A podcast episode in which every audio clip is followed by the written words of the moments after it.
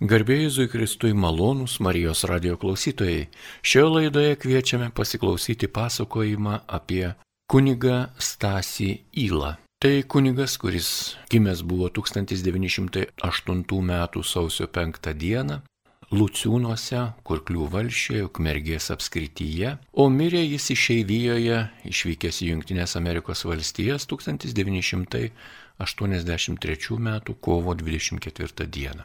Stasys Ila žinomas kaip rašytojas, pedagogas, ateitininkas ir skautas, vienas iš žymesnių Lietuvos kunigų, katalikų bažnyčios kunigų, veikęs labai aktyviai tiek prieškarinėje Lietuvoje, tiek pabėgėlių, karo pabėgėlių stovyklose lietuvių bendruomenėse ir žinoma Junktinėse Amerikos valstijose lietuvių bendruomenėje buvo vienas iš tokių įdomesnių asmenybių ir vienas iš įdomesnių kunigų labai originaliai vykdęs savo talentą ir rodęs žmonėms kelią į Dievą. Ir šioje laidoje maloniai sutiko pasidalinti savo atminimais, išvalga ir gyvenime tais palėtimais, kuriuos paliko ir davė kunigas ateitininkas Tasys Sila, brangiai mokytojai pedagogiai Rytoniai Šalkauskiniai. Laidą veda Liutauras Serapinas, aš iš karto ir sveikinuosi su gerbima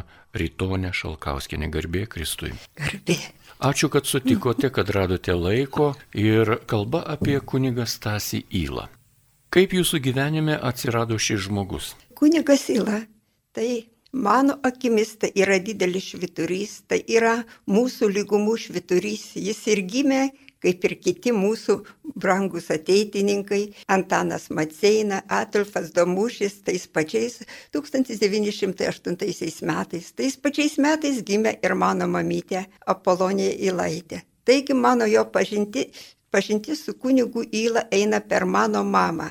Ir kunigo įlos atminimas. Ir dabar man visuomet pravažiuojant tas jo gimtąją vietą Luciūnų kaimą, kur gimė kart drauge, tiesiog greta mano mama ir kunigas įla visada suvirpa širdis, tai lik ir ypatinga vieta, kur užgimė toks dvasios šviesuolis, kuris taip originaliai reiškėsi ir mokėjo prisiliesti prie paprasto žmogaus širdies, mokėjo jį patraukti ir uždegti. Dabar aš tiesiog noriu pasakyti, kokie atminimo ženklai šiandien dar kalba apie jį.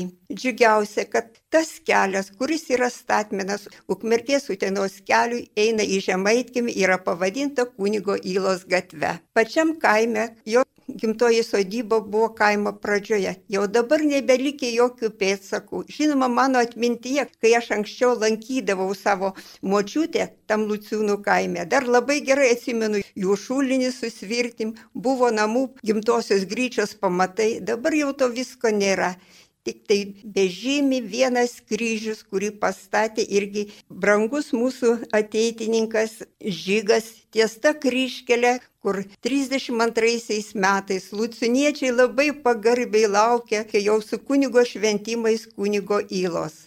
Tai va tas kryžius ir tas sunykęs šulinys tik žymi jo gimtąją vietą. O dabar aš nuosekliai noriu pasakoti, kaip vystėsi jo gyvenimas per mano mamytės pateiktus pasakojimus. Gerbama Rytonė, o kada pirmą kartą jūs išgirdote apie kunigą Stasį Įlą? Oi, pačioj vaikystėje. Turbūt aš dar menkai mokėjau skaityti. Tėtis nupirko knygą ir atvežė knygą iš ukmergės nupirkęs tėvė mūsų. O toj tėvė mūsų knygoje Vienam iš pirmųjų puslapių buvo jo eilėraštis. Pasakyk geroji mano motinėlė, kas dangui saulutė taip aukštai užkėlė, kas žvaigždelėms liepia per naktį žibėti, kas linksmai išmokė paukštelius čiulbėti. Jūs taip smagiai, taip puikiai prisimenat tuos eilėraščius.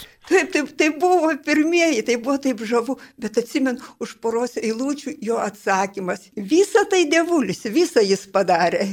Taip, tikrai gražu. Na, jūsų šeima, kaip ir visos lietuvių šeimos, buvo tikinti šeima. Tai buvo labai. O mama buvo Ilaitė, tai ji buvo giminė. Taip, iš tikrųjų yra giminaitė, nėra tokia labai artima, gal ten jau trečia kartą ar ketvirtą kartą.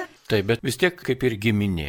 Taip. Na, jūs esate tokia jau visiška ateitininkė, tikrai ateitininkė sendraugė ir taip toliau. Ir kunigas Tasys Ila, Junktinėse Amerikos valstijose, jisai buvo vienas iš tų, kurie tikrai ateitininkijos tą visą organizaciją ant savo pečių nešė. Ne vien ateitininkus. Jis globojo ir prižiūrėjo ir skautus, ir ką kita. Mums lietuviams, čia Lietuvoje likusiems, okupuotoje Lietuvoje, Amerikos ateitininkai tuo metu buvo nepasiekiama aukštuma. Turbūt taip. O tais laikais, ar jūs palaikėt kokį ryšį, va, okupuotoje Lietuvoje su Šiaurės Amerikos ateitininkais? Ar turėjote kokį kontaktą? Taip, čia žymiai vėliau, 76-78 metais buvo tiesioginis mamos susirašinėjimas su kunigu Įla.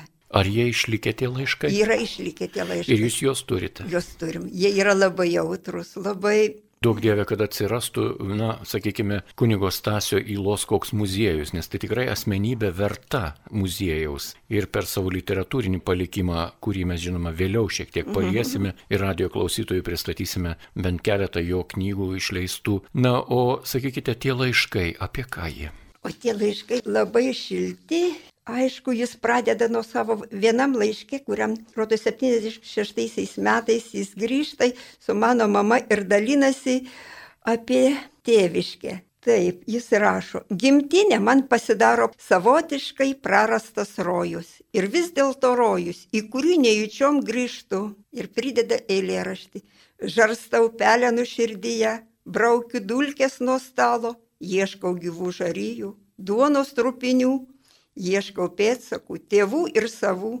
Ir net pažįstu uosio prie klėtės, serbentų krūmo prie seklyčios.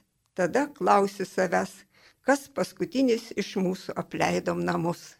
Jūs minėjote, kad toje sodyboje, kur gimė, užaugo kunigas Stasys, na, šiuo metu kaip ir nebėra nieko, nėra tokio atminimo momento, tokio, kad kažką prisiminti, pasidžiaugti, tik kunigas taip pat ateitininkas ir Lietuvos ateitininkijos vienas iš atkūrėjų sąjūdžio, Arvidas Petras Žygas, savo iniciatyvą ten pastatė kryželį. Koks tas kryželis? O kryžius yra labai gražus. Jis yra aukštokas kryžius. Jis toj vietoj, kur sodyba buvo, ar panašiai? Ne, ne jis kaimo jau kitam krašte. Žodžiu, taip, kai vyko ta žemės reforma, taip, Luciūnų kaimas buvo rėžinis kaimas. Ir tiek kunigo įlos tėvai, kur jo tėvą vadino dzegarmeistru, jo tėvelis mokėjo laikrodžius remontuoti, turėjo rėžį greta ir mano seneliai turėjo žemę. Dar viena pastaba. Luciūnų kaime buvo labai daug įlų, gal šešios ar septynios šeimos turėjo tą pačią pavardę, todėl jam buvo priskirtos pravardės. Kunigo įlos tėvus vadydavo cegarmeistrais, mano senelius vadino kastiniokais, kiti ten buvo jokubokai ir taip toliau. Tai žodžiu, kai vyko ta reforma, tai jo tėvai tą rėžį paliko ir jie įsikėlė truputį toliau ir gavo kitą žemės sklypą. Tai va tas kelias, kuris jau ėjo į brolio Jurgio sodybą, buvo kelias ir ties tuo keliu dabar stovi kryžius. Ten 32 metais kunigas jau atvažiavo į tą sodybą, jau pašventintas kunigas. Lūciuniečių buvęs didelis džiaugsmas, jie statė iškilmingus vartus Tai buvo ir primicijos, taip Taip, išėjo. primicijos, taip. Ir dabar apie tai jums pasakojo mama. Mama pasakojom ir mamos atminimus esu užrašysi ir tarp kitko tos mamos atminimus yra spausdinę ir ateitis ir paskutinėje knygoje, kur paruošė sesuo Ignė Marija Pajarskaitė, ten su giminėmis apie kunigą Įlą ir seseris Sereikaitė. Tai jinai, nu ne visus, bet dalį tų mamos atminimų tiesiog įdėjo. Tai buvo jie nieko autentiškesnio nerado, kaip tuos mamos atminimus. O dabar iš tų atminimų ga- gal ką nors pacituoti. Gal aš pradėsiu nuo pačios vaikystės. Kaip kuniga Įla ir mano mama pradžios mokyklai mokė tas pats mokytojas Jurgis Keblas, o ta jų pradžios mokykla buvo organizuota Dėjūnų dvarelėje dar 1917 metais. Mokytojas buvo, kaip kaime vadino, sakė, bedievis Jurgis Keblas, o bedievių jį vadino todėl, kad jis buvo eksklerikas. Bet kunigas Įla apie jį rašo tėviškė žiburiuose, radau labai labai šiltai. Kad jis ateidavo iš gretimo kaimo, ūkininkaudavo, buvo suvargęs ir nekalbus, visos jo žinios buvo galvoje, mūsų vaikus suprato, mokėjo tinkamai paaiškinti, bet jo tikybos pamokos buvo išskirtinės, jis tikybos pamokos vedė visai kitų tonų, Tiesiog jis jį labai išskiria. Ir iš tikrųjų tas mokytojas jam irgi davė impulsą ir tiesiog tarėsi su tėvais, kad gabus vaikas, kad dar net nebaigus pradinės mokyklos jį tiesiog rekomendavo siūsti į gimnaziją. O šitą praktiką patvirtina ir mano mama. Lygiai taip pat mama irgi sakė, aš mokiausi pas tą mokytoją tik vieną žiemą, bet tas mokytojas mane iš pirmos klasės perkelė į antrą ir pavasarį net į trečią. Jis mokėjo individualiai dirbti ir kiekvienam rasdavo žodžius ir paskatinimus, kad jis tieptųsi aukščiau ir, ir dar kontaktavo su tėvais. Tai yra daug kunigo įlos padėka tam mokytojui, kad jis tiesiog padėjo jo gabumams, suteikė kryptį. Šeimoje, kunigo įlo šeimoje situacija nebuvo lengva. Dėl kokios priežasties? Jo tėvas labai anksti mirė. Tai mama liko su vaikais? Taip, jo tėvas mirė 1913 metais, o jis gimė 8 metais. Tai matot, koks mažas vaikas liko. Mama liko su šešiais vaikais. Bet vis tiek vieną iš sunų išleido į kunigus. Tai Taip, tuo metu vis tiek tai buvo brangus dalykas. Buvo brangus dalykas ir visos pastangos, visos lėšos buvo kaupta jam, atsidėta jam. Iš tikrųjų, ta gera širdė jo motina Veronika Semėnai, tai iš šeimos, ji mokėjo išmintingai organizuoti tą ūkį tvarkyti, kad jokių būdų nesakyti mokslas Stasiukui. Taip, iš tikrųjų, tuo metu mes suprantame, kad šiais laikais vaiką jau išlavinti yra be galo sunku, bet tuo metu ir, ir kelionė į kur kitur ir taip toliau. Jis baigė Ukmergės gimnaziją, vėliau mokėsi kunigų seminarijoje Kaune. Nuo 25 metų iki 32 metų studijavo Vytauto didžiojo universitete. Iki 30 metų jisai buvo vadinamas kaip Lietuvos universitetas. Teologijos filosofijos fakultete. Ir tik 1932 metais išventintas kunigu. Sakykime, vat nuo šito momento naujai išventintas kunigas Tasys Ila 32 metai. Kas čia beliko 8 metai iki karo? Ką jis veikė, kuo jis užsiemė?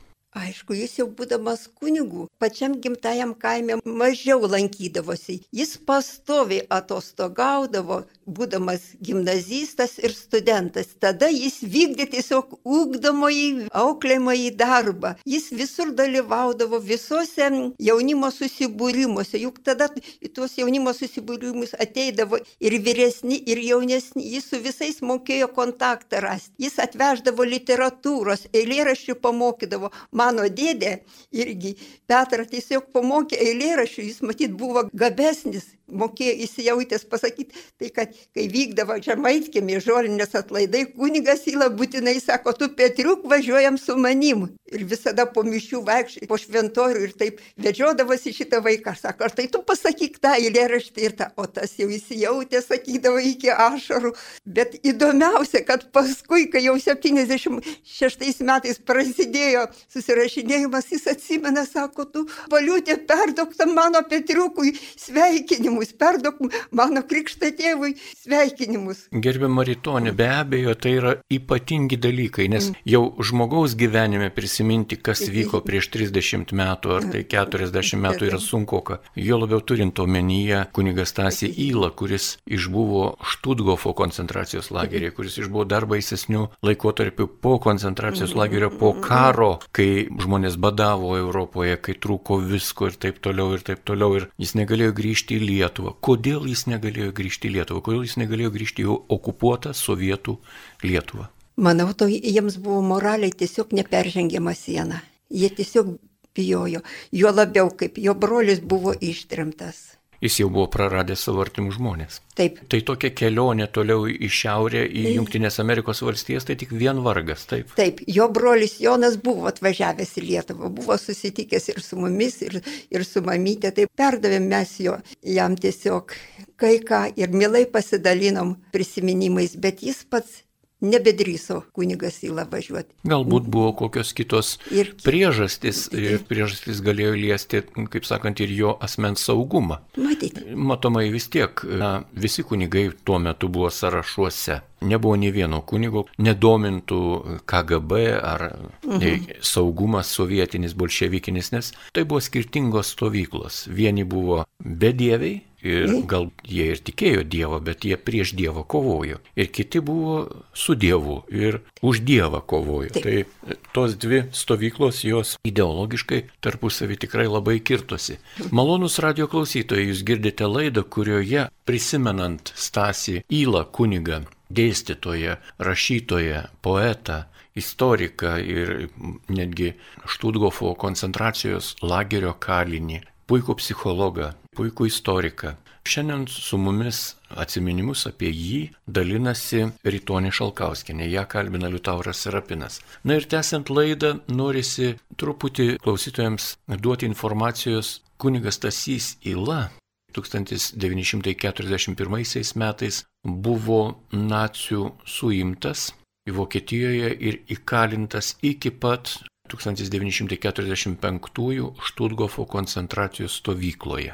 Jis išliko gyvas. Jo kolega kunigas Alfonsas Lipniūnas mirė. Ir mirė tikrai nuo visų tų pasiekmių gautų koncentracijos lageryje. Taip, jis, Alfonsas mirė, galima sakyti, ant kunigo Stasio įlos rankų. Ir mirė, kai jau sąjungininkai ir raudonoji armija buvo išvadavusi tuos Štutgofo kalinius iš lagerio, bet tai buvo suirutės laikas ir nėra ko stebėtis, kad daugelis iš jų, iš tų kalinių buvo tiek išsekę, kad jie tiesiog kelyje ir mirdavo. Ir tai visiškai natūralu. Kunigas Stasys Įla labai gražiai aprašo Alfonso Lipniūno mirtį. Pats ją pasakoja, pats joje dalyvavo, tas skausmas, ta netektis, juo labiau tuo metu, kai visas pasaulis jau švenčia lik ir pergalę, lik ir išsivadavimą, o čia netenki draugo, bičiulio, tautiečio ir savo, kaip sakant, tokio pat kunigo, yra sunkus dalykai ir tai pakelti yra sunku.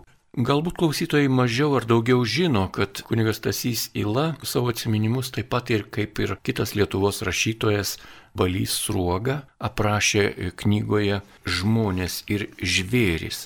Stasys Ila ta knyga nebuvo labai populiarinama sovietų ir į programėlės mokyklose nebuvo įtraukiama, bet savo turiniu ir savo na, iškalbą, ir savo dokumentiką ji yra dar labiau stipri iš koncentracijos lagerio, nes Stasys Ila labai dokumentiškai aprašo visą tai, ką patyrė tame lageryje. Na, gerbima Rytonė, vat tie tokie žmonės, na, jie tokie ir lyderiai buvo, bet ir kankiniai, ir didvyriai, tokie kaip Stasys Įla, pergyvenę ir visokius baisumus karo, ir, ir tremtis, ir, ir kaip kitaip. Kaip Jūs manot, kuo jie yra svarbus lietuvių tautai arba katalikų bažnyčiai Lietuvoje šiandien, 21-ame amžiuje?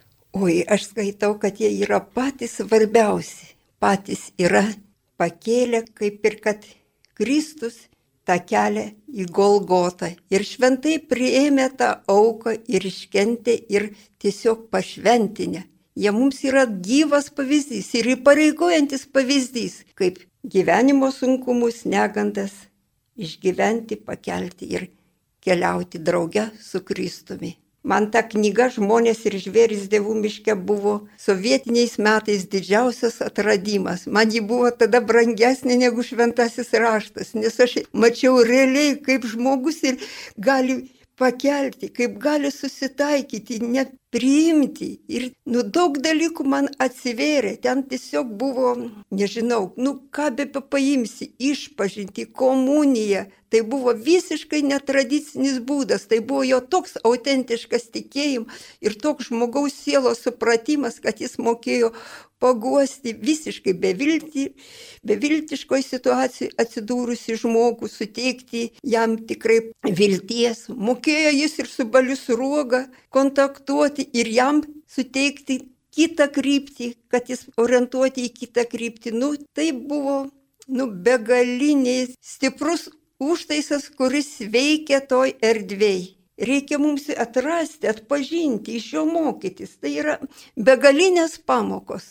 Taip, jūs labai gražiai paminėjote tokį dalyką. Tai yra begalinės pamokos. Tikrai gyvenimas yra begalybėje ir, ir jeigu bažnyčia šiuo metu mokosi mokosi naujomis sąlygomis nešti krikščionišką žodį į kiekvieno žmogaus ieškančio ir neieškančio širdį. Tai tokie pavyzdžiai kaip Stasys Įla, kuris įvairiausių ideologijų, ten nebuvo vien tik tais bolševikai ir vien lietuviai. Kai jis atsidūrė Vokietijoje, jau buvo ir nacijai.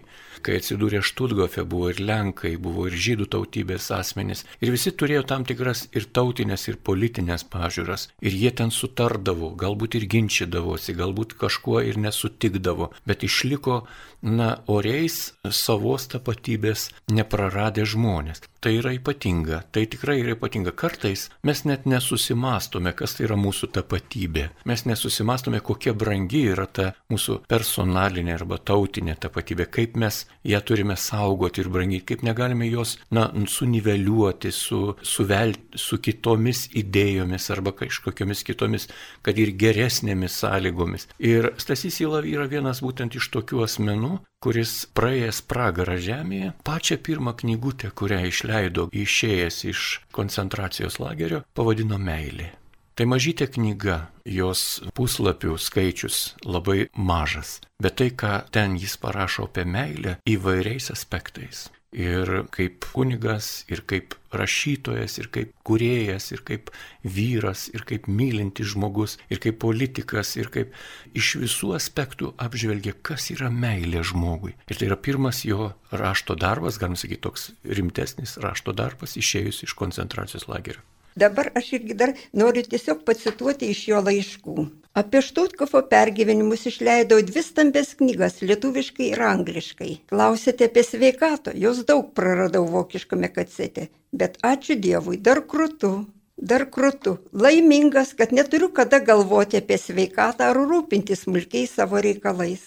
Darbo turiu virš savo jėgų ir laiko. Tenka skubėti, o tai reiškia eiti pirmin, o nestovėti vietoje ir gražytis praeitin.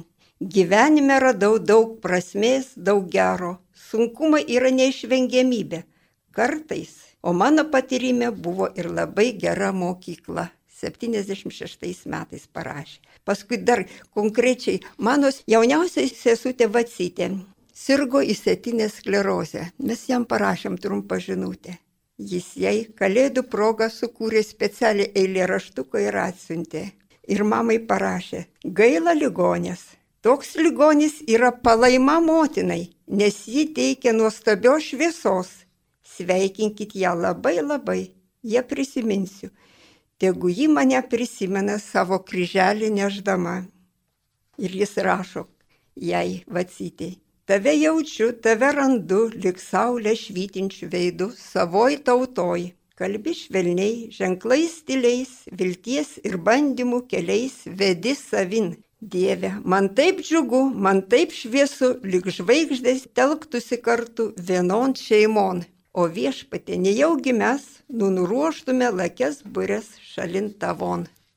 Štai kaip jis atsiliepia į jauno žmogaus, jau negalinčio atsikelti iš lovos skausmo ir kančia. Kad kančia ir skausmas tai veda į palaimą. Savo gyvenimu liudyja jisai ir tai, jog nežiūrint visos patirtos kančios arba neteisybės, kažkokio neteisingumo, tokio totalaus neteisingumo, kur nėra jokio išsigelbėjimo, nėra jokio atstatymo. Tiesiog visa Europa po antro pasaulinio karo buvo sugriauta. Sugriauta jos buvo ne vien tik tais pastatai, namai, gatvės, tiltai, bet sugriauta buvo moralė sugadintas buvo žmogaus vidus, išdraskytas, išplėšytas. Ir visą tai matydami tie mūsų kraštiečiai, lietuviai pasitraukė į kitas pasaulio šalis, negalėdami grįžti į Lietuvą dėl čia jiems grėsiančio tiesiog susidorojimo ir teroro, nes nebūtų buvę įmanoma, jog Stasys Įla galėtų kolaboruoti su bolševikų valdžia, arba jiems kaip nors pateikauti, arba su jais kartu draugiškai dirbti, sutariant ar ką, neįmanoma. Tai neįmanoma yra iš koncentracijos lagerio Štutgofe išėjusiam kaliniui. Taip, jisai tapo Lietuvos katalikų mokslo akademijos akademiku, taip jis tapo Lietuvių ateitininkų federacijos dvasios tėvų, taip jis tapo puikiu rašytoju, parašęs nuostabes knygas, kurių vieną iš paskutiniųjų išleido jau Lietuvoje, bičiuliai draugai, po jo mirties praėjus daug, daug metų. Tai buvo, žinoma, na kaip ir atsiminimas gerbiamo kunigo Stasio Ilos, bet tai buvo ir Šilovos jubiliejinių metų pagerbimas ir buvo išleista ypatingo svorio, istorinio svorio knyga paruošta kunigo Stasio Ilos, jinai vadinasi Šiluva žemaičių istorijoje. Žinoma, jis daug skiria dėmesio ir čiurlionio asmeniui. Tai buvo vienas gražiausių jo tokių kūrinių. Ypatingai didžiavosi lietuvių kuriejais menininkais. Vienas iš pirmųjų jo tokių visuomeninių darbelių, tik pabaigus Kauno kunigų seminariją, buvo parodėlės padarimas tam tikras toks gražus tuo metu. Na žinoma, visų darbų turbūt neįmanoma šioje vienoje laidoje pristatyti arba jums kažkaip pateikti, kuriuos padarė išeivijoje gyvenęs po antro pasaulinio karo ir ten miręs kunigas Tasys Ila. Nuo 53 metų jis buvo švenčiausios mergelės Marijos nekaltojo prasidėjimo vargdienių seserų vienuolynė Putnamyje kapelionas. Ir žinoma, nuo 1955 metų oficialiai jis buvo Junktinių Amerikos valstijų lietuvių bendruomenės tarybos narys. O kokią įtaką jis darė asmeniškai ten gyvenusiems inteligentams, tai čia iš vis yra sunku net nusakyti. Jo darbas paliktas toks labai originalus darbas. Gedimino pilis jo rankomis draugų bičiulių padedant pastatytas Putnamyje. Ir ten tokie, arba net nežinau, prieš istorinio amžiaus statiniai pastatyti ir sudaro tokią architektūrinę grupę, kuri užima tam tikrą didžiulę erdvę, ją įvaldo tame parke ir sudaro unikalų tokį pojūtį. Ten sunku net pasakyti, ar tai yra dangus ar pragaras iš tų kūrinių. Tai tokie įdomus ir mislingi tokie atlikti jo pačio darbai būtent to žemės kasinėjimo ir to architektūrinio tokio kažkokio pasireiškimo, jie lieka iki šiol neatsakyti, jie turi labai daug paslapties, ką kunigas Stasys Ila norėjo tuo pasakyti, ką jis, ką jis matė tame, kodėl jis taip darė. Daug mislių, daug nežinomųjų, bet daug ir žinomųjų. Ir šiandien laidoje Rytonė Šalkauskinė, kuri užaugo tame pačiame krašte, toj pačioje vietovėje, kur augo ir Stasys, mums pasakoja ir liūdė apie jos gyvenime tam tikras didžiulės, na sakykime, atrastas žvaigždės. Kokią dar žvaigždę rado jūsų gyvenime Stasys Ila, neoficialiai, žinoma, jis buvo Amerikoje, jūs Lietuvoje, bet bendraujant, susirašinėjant, skaitant jo atminimus. Aš dar noriu paminėti iš ankstyvosios vaikystės, iš seminarijos laikų. Tas jo žavumas, tas mokėjimas bendrauti su jaunimu buvo begaliniai užkričiantis. Taip, kad ir dabar dar radau vieną močiutę, kuri atsimena, kad su kokiu džiaugsmu jos mėgsdavo jam kojinės ir pirštinaitės tam kunigui. O jis vasarą buvodamas savo tėviškiai visuomet, visuomet visus darbus darydavo tik su sutana. Buvę keista, kad jis ir šieną pjaudavėsi, ir ir darže bet kokius, ir su arkliu ardamas visą laiką būdavo su sutana. Visiems būdavo įdomu, kodėl, sako, tai Maironis mūsų pareigoja, prašė, kad ir atostogų metu mes sutanos niekur nepaliktumėm. Koks buvo įsipareigojimas ir nuseklumas. Ką dar galėtume mes papasakoti dar. gerbiamam radio klausytojui, kuris paukoja šią valandėlę besiklausydamas Marijos radio bangomis šios laidos, kunigo Stasio įlos ir ateitininkų santykis. Koks jis? Nu, oi tai tiesioginis, tai buvo tiesioginis ateitininkų mokytojas, bet jis tą ateitininkiją, tai jis susižavėjo Kaune ir, ir buvo tam tikra prasme, sakyčiau, buvo ir Šalkauskio mokinys. Aš vartydama Šalkauskio archyvą radau vieną iškalbingą nuotrauką, kur Kačerginėje 40 metais, gegužės mėnesį atostogauja Šalkauskis, o jo atvažiavo aplankyti profesorius kunigas Pranas Kuraitis, Stasys Ila, Eretas, bet štai pirmam plane sėdi ant kėdutės už jo Eretas ir tai čia vyksta atostogų metu pasitarimas, bendravimas. Žinoma, jis ir laiške dar ir rašė ir man, kad jis profesoriumis Šalkauskiu žavėjosi, iš jo mokėsi ir sakė jis ir Amerikoje Šalkauskis jam buvęs tas pagrindas, į kurį jis atsirėmęs vedė ir toliau ateitininkyje. Jeigu Šalkauskio buvo parašyta ateitininkų ideologija, tai Įla irgi parašė ateitininkų ideologiją, jau pritaikytą Amerikos sąlygoms pasikeitusiam laikmečiui ideologiją, kaip konkrečiai tam ateitininkui gyventi, kaip orientuotis. Tai buvo knyga Ateitininkų vadovas. Vadovas, taip. Taip, šią knygą bent kelis kartus perleido, vėliau jau ir po Stasio Įlos mirties ateitininkai.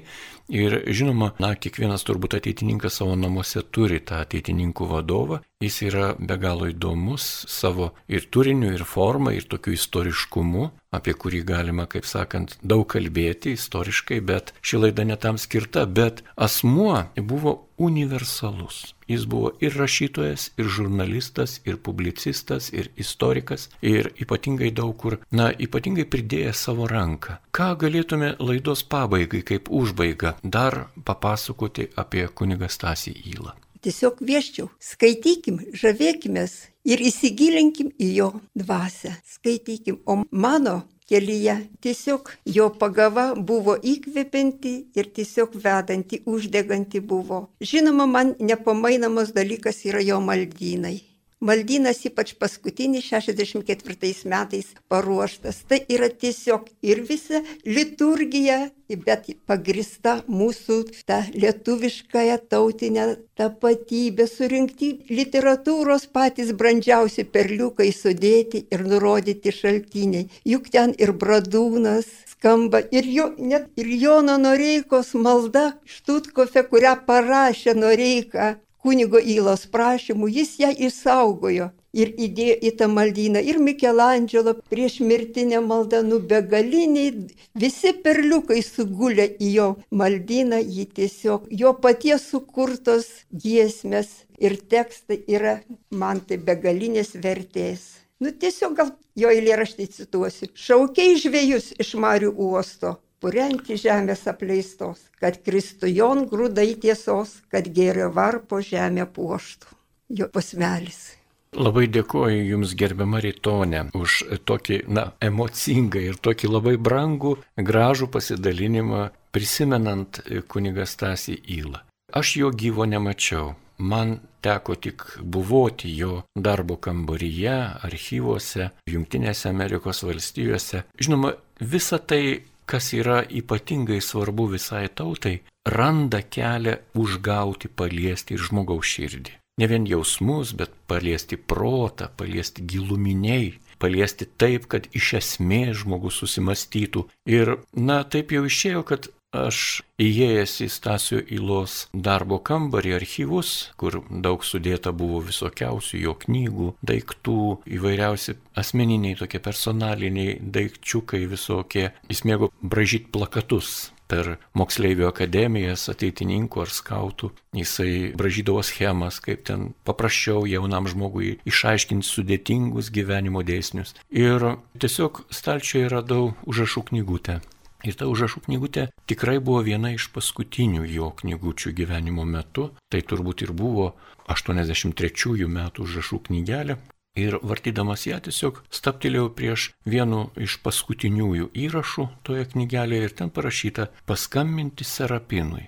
Žinot, tai labai nustebina tokie, tokie inkluzai, tokie atsitiktinumai, jie labai paliečia. Tu supranti, kad to žmogaus niekada nesutikai, kad jo nepamatėjai su juo negalėjai pakalbėti, bet esi perskaitęs daugybę jo minčių, sukristalizuotų. Jisai rašydavo naktį, jisai rūkydavo, būdavo įvairiausių tokių ir, na, nesusitarimų tarp seselių. Jis buvo vienuolino kapelionas, rūkantis, buvo problemėlių, daug buvo visokių keistų dalykų. Ko norėti iš koncentracijos lagerio išėjusiam gyvam? Kokias galime pretenzijas mes kelti? Ko mes galime reikalauti? Kad jis mūsų pasigailėtų ar kad jis elgtųsi taip, kaip mes norime. Žinoma, tai yra tokie, nu, retoriniai mano sušūkimai. Bet tuo metu tas kunigo Stasio paliktas įrašas paskambinti Serapinui. Paskui aš sužinojau, seselių paklausiau, tai jis turėjo draugą Bostone, kuris gyveno ten, irgi Serapinas, ir jam norėjo paskambinti, bet atitiko Kirvis Kotą. Jis tikrai man paskambino. Ir tas skambutis iki šiol veikia. Ir mes susišnekam taip, Taip. Ir, žinot, tai paliečia. Ir aš manau, kad gerbimi radio klausytojai, jūs palies ir rytonės Šalkauskinės pasakojimas apie jos tėviškę, apie jos gimtai sodžių, gimtai kaimą, gimtai namą, šulinio vietą, kelelį, takelį, kaimynus, jų vardus, pavardės, pravardės, netgi linksmas. Palies ir visą tai. Ir aš manau, kad tai yra norėta ir išmelsta tų mūsų tautos didvyrių, kankinių, norėta, kad mes netaptume biurokratais, kad mes netaptume sausais akademiniais žmonėmis, bejausmiais, kurie tik tvarkingai atlieka savo funkcijas, kad mes būtume kūrybingi ir ne visada įtiltume į formatus, kurie yra reglamentuoti tam tikrų tvarkų. O radio laida turi būti tokia. O kodėl? Gali būti ir kitokia. Ir va ši laida buvo kitokia. Ar ne taip, Rytonė? Gal ir taip. Pirmą kartą atsidūriau tokiai situacijai ir nesusikoncentravusi kažkaip. Tai man ta asmenybė be galo brangi, didelė ir jis yra tas, tas žmogus, prie kurio visai paprasta eiti, iš jo mokytis, jo klausti, prie jo prisiliesti. Tiesiog brangus ir aš skaitau, kad per atstumą jis yra ir mano mokytojas. Mane formavo. Ta pati ir aš galiu pasakyti. Taip, tai mano mokytojas, kuris formavo mano pasaulyje žiūrą ir pasaulyje vaizdį. Ir aš labai dėkoju jam ir šioje laidoje, radio klausytojų vardu, dėkoju jums gerbiamą Rytonį Šalkauskinį. Nėra už ką. Tai iki kito karto, iki kito susitikimo. Mėly radio klausytojai, jūs girdėjote laidą apie kunigą Stasį Įlą. Jis buvo Lietuvos kunigas, katalikas, rašytojas, Lietuvos katalikų mokslo akademijos akademikas, gimęs 1908 m. sausio 5 d. o miręs Čikagoje 1983 m. kovo 24 d. Jo Visų padarytų darbų neįmanoma pristatyti per vienos valandos laidelę, bet jūs tikrai galite pavartyti jo knygas. Kai kurias jums rekomenduosiu. Tai Šilva, Žemaičių istorijoje, leidinys išleistas jau mirus kunigui, Mikolojus Konstantinas Čiurlionis, kuriejas ir žmogus, Jurgis Matulaitis, atskira knyga, išleista taip pat po jo mirties 1993 metais antrą kartą išleista. Vardai ir veidai mūsų kultūros istorijoje nuo Mažvido iki Skvirecko. Nepaprasta knyga, tikrai rekomenduojame paskaityti. Tėveliams ir mamoms auginantiems mergaitės ypatinga knyga Moderni mergaitė. Ji buvo parašyta 1964 metais, o Lietuvoje trečias leidimas išleistas 1996 metais. Labai unikali knyga, ir joje daug kas randa išminties. Ateitininkų vadovą, tai ateitininkų organizacijos fundamentalus dokumentas, veiklos aprašas, išleistas 1960 metais. Šioje laidoje minėtas kūrinys Žmonės ir žvėris dievų miške atsiminimai, išleistas 1951 metais. Taip pat rasite ir kitus jo kūrinius bei knygas ir Be abejo, rasite netgi knygas pasirašytas slapivardžiu Juozo Dauliaus. Tai 1937 metais išleista knygelė, kurią parašė Stasys Ila, pasirašęs ne savo vardu, Komunizmas Lietuvoje. Už šitą kūrinį jam buvo numatyta didelė šventė, dėl kurios jis niekada negalėjo grįžti į Lietuvą. Gal tuo ir pabaigime šią laidą, taigi šioje laidoje dalyvavo pedagogė, ateitininkė sendraugė Rytonė Šalkauskinė, ją kalbino Liutauras Serapinas. Likite su Marijos radiju.